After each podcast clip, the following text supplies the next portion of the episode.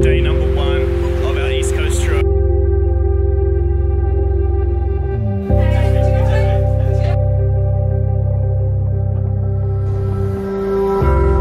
When you're screaming out, but you can't make a sound, you know it's only a dream. When your back hits the ground and things turn around.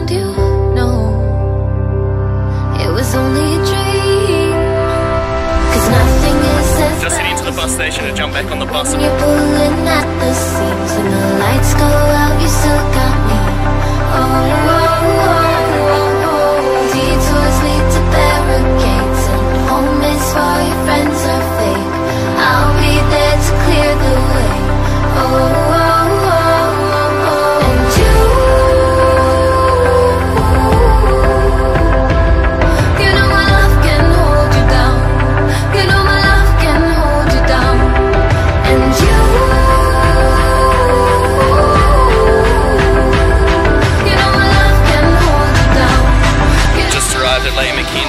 drove about two hours.